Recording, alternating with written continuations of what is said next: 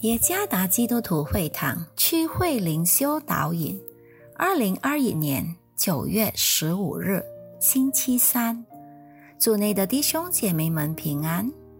今天的灵修导引，我们将会借着圣经《使徒行传》十八章第一到第五节来思想今天的主题。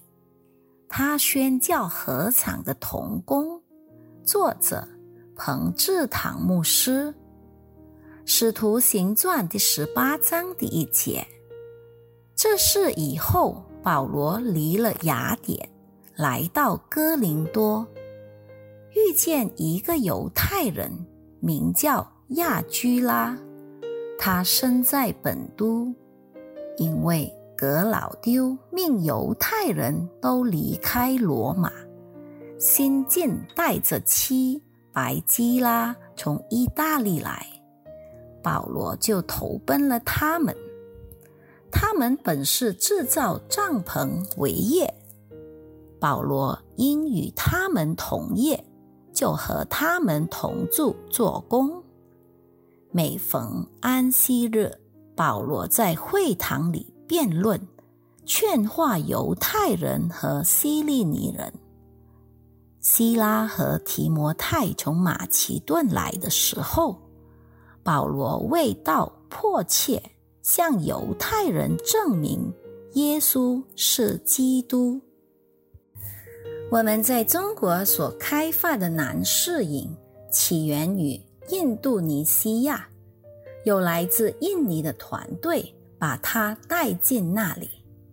从在男士营里。被改造后的弟兄开始，接着在广州市成立了委员会，这个男士营，然后扩展到其他各个城市，大约有数十个城市和省份。每个城市若想要举办男士营，必须先成立委员会。一个又一个城市开始召集童工，而广州成为总部。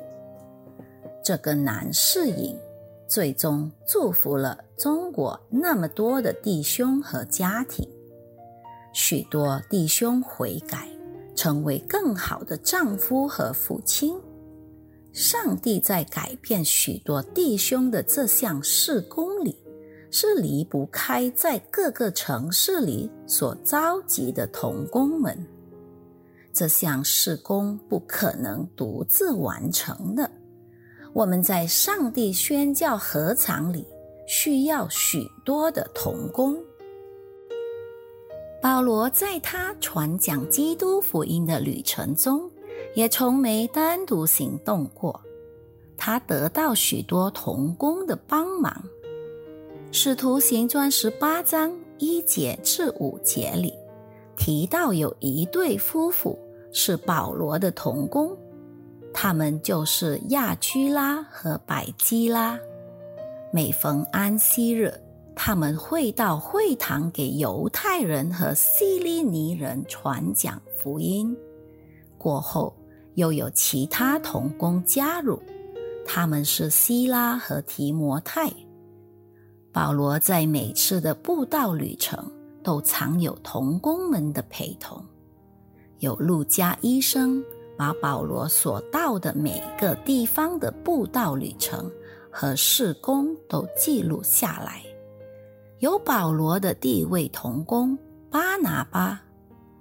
保罗每到一个地方传福音，也会留下某些人来牧养那里的教友。他有许多童工。当我们阅读他在每封书信结尾给童工们的问候语时，这一点就说明了一切。保罗意识到，上帝的工作是不能独自完成的，无论是在教会还是在宣教合场侍奉，我们都需要童工。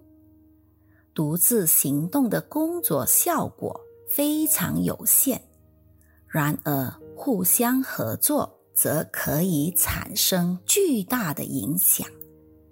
让我们组成一个心意一致、思想一致、目标一致的工作团队，把上帝的事工扩展的更广。倘若您想走得快，那么就一个人走；倘若您想走得远，那么就一起走。愿上帝赐福于大家。